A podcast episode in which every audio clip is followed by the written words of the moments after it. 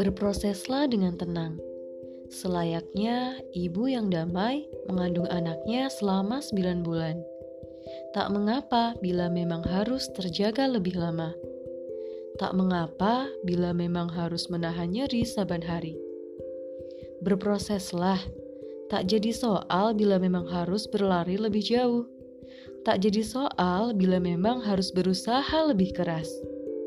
Tetaplah berproses Tak peduli bila memang diri ini membutuhkan waktu lebih banyak dari yang lain untuk dapat mengerti, untuk bisa memahami arti.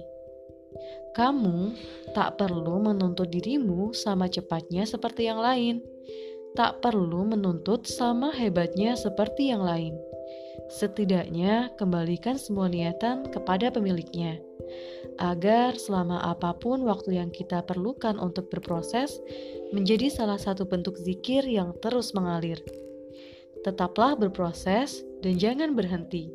Biar Tuhan saja yang menjadi penentu kapan proses ini harus menepi. thank you